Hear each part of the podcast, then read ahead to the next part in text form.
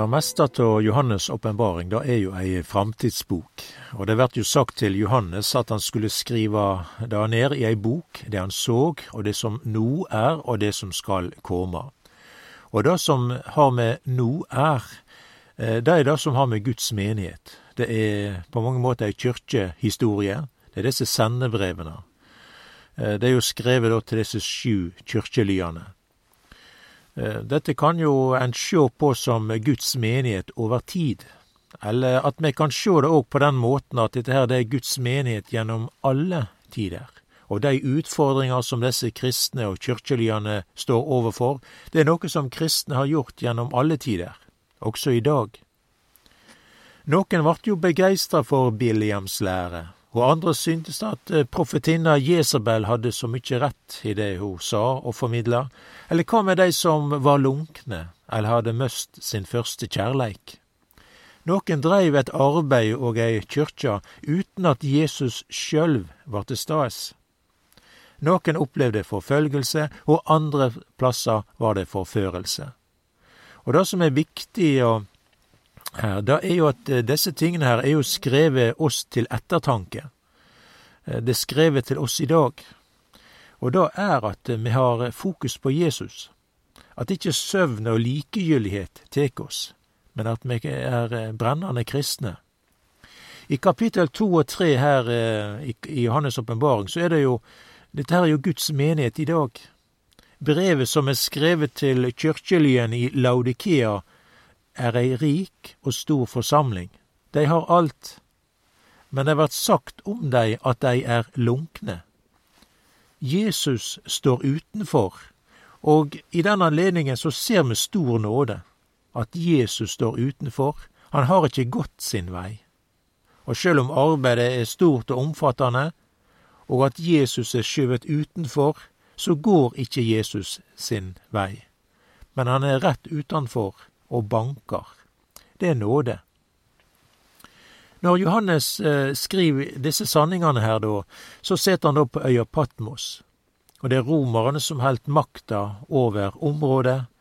Det er denne Domitian som har ført Johannes til fangenskap, og blant de første kristne så er det gjort eh, et forsøk på å kneble dem, det som har med kristendommen å gjøre.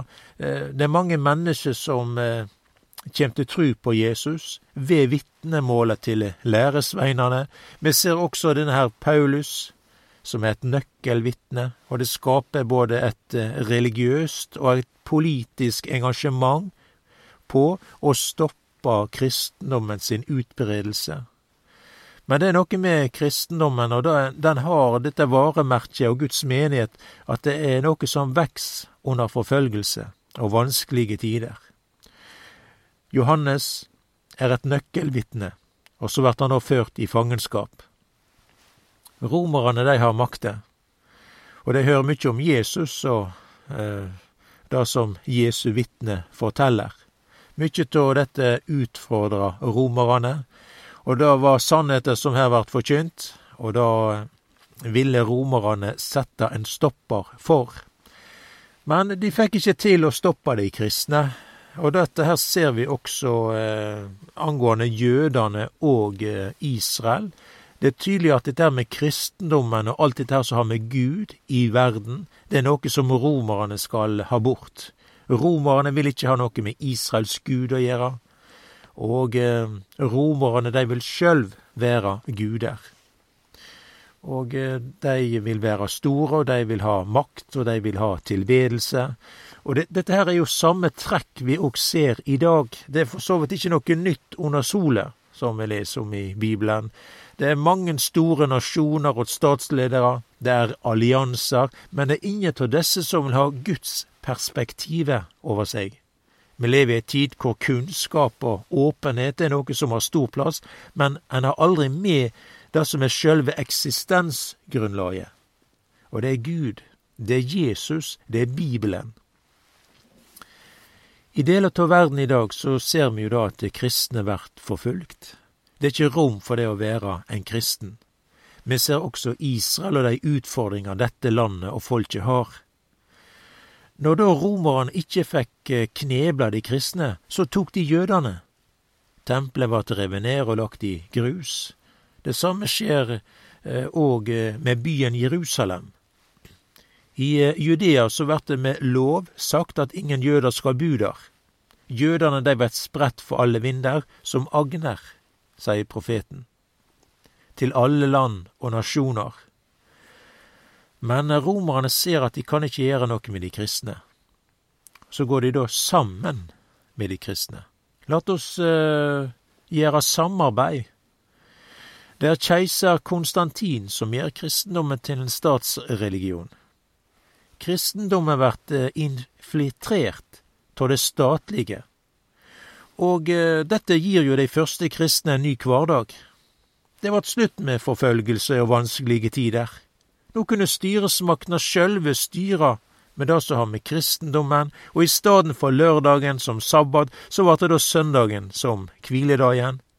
Og dette da passer jo bra med tanke på at denne dagen er oppstandelsesdagen. Og eh, jeg tror ikke jeg skal gjøre så stort poeng ut av dette her, da, men da er i alle fall at vi kan legge merke til det. For det skjer ei endring i tider. Og i Bibelen der leser vi om at de som endrer tider og lov. Og La meg bare nevne det ifra eh, Daniel kapittel sju der. Der står det at han skal tale ord mot den høgste og undertrykkja den høgste eh, og de heilage, og en tenker på å forandre tider og lov. Så her er det tale om en statsleder som endrer dette her, tider og lov, og det var jo da denne keiser Konstantin gjorde. Sabbaten og lørdagen forsvant, og så er det da søndagen i stedet for. Dette der er ikke så stor en sak, kanskje slik da, men vi ser et trekk her, da. Romerne var opptatt med å ta bort alt det som har med jødene sine ordninger å gjøre. Nå er det Guds menighet, som da er blitt noe av leierskapet fra romerne og det er et statlig leierskap.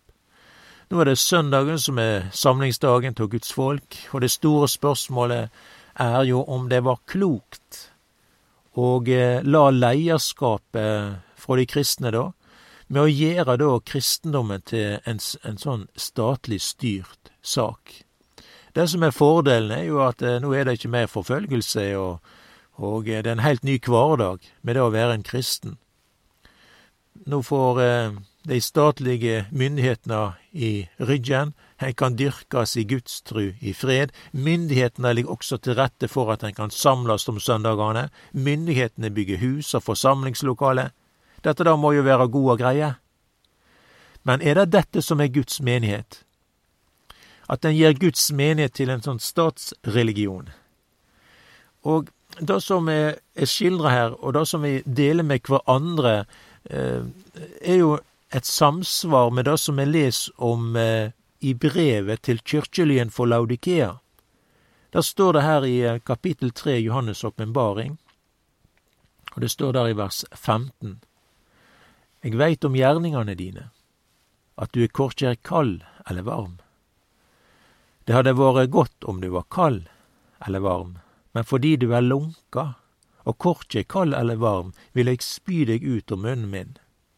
For du sier, eg er rik, eg har overflod og vantar ingenting, og du veit ikkje at du er arm og ynkelig, fattig og blind og naken.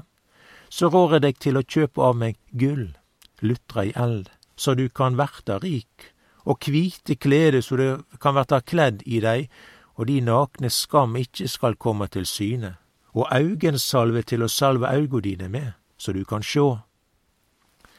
Alle dei eg elskar, dei refser og tukter eg, gjer de for alvor av det og vend om. Sjå, eg står for døra og banker. om nokon høyrer mi røyst og åpner døra, då vil eg gå inn til han og halda nattverd med han, og han med meg. Den som sigrar, han vil gje, eg gje å sitte med meg på mi truna, liksom eg òg har sigra og sett meg med far min på hans truna. Den som har øyre, han høyrer kva Anden seier til kyrkjelyane. Når jeg leser dette her, så kjenner jeg på sorg. Samtidig er det òg noe som vekker meg. Jeg kan tenke som så at dette her da gjaldt alle andre, og ikke meg. men det er meg det gjelder. Laudikea, det betyr folkestyre. Og på denne måten så var da kristendommen eh, noe som var de statlige styrt og lederskapet. Det var myndighetene som la opp det kristne arbeidet. Nå var det myndighetene som fortalte hvordan en skulle samles. De første kristne, var, så var det søndagen da som eh, Ja, det var jo på oppstandelsesdagen. For romerne sjølve så la de kanskje noe annet inn i denne dagen. For romerne de var jo tilbedere av stjerner og planeter. Men nå hadde de soldagen, søndagen. Det var romerne som kom med navnet Palestina. De endra ikke bare lørdagen som en fridagslek da, men også navnet på eh, landet Israel. De kaller det for Palestina. Det samme skjer også med Jerusalem. Jo, de gjorde jo byen til en rein romersk by eh, under navnet Kapitolina. Jødene de fikk ei begrensa tilgang til byen. Seinere fikk også jødene forbud mot å komme til Judea og Jerusalem. Så romerne de endra dette her med tider og lov, og det som var Guds by, nå var det da en romersk by. Og eh, romerne styrte da dette her, og det, det skjer jo for så vidt med gudsdyrkelse. I stedet for at det var et tempel til Israels gud, så bygde romerne et tempel for guden Jupiter. Romerne de var opptatt med stjernehimmelens lek da, og det var da som var tilbedt. Og dette her har veldig mange paralleller mellom grekerne sin gud, Sevs, og det som har med romerne sin Jupiter. Så her er det egentlig mye interessant historie og en skal ikke gå så langt inn i dette her, her da, men vi ser romerne og de tiltak de gjør, og de avtaler de gjør med de kristne. Kanskje ikke dette da var så lurt. Men romerne de endrer på lover, de flytter fridagen fra lørdag til søndag, og det har sammenheng med de jødiske ordningene som blir borte, og det var også romerne sin strategi og plan. Så ser en da sammen med da at eh, de kristne, så gjør da kristendommen til noe statlig.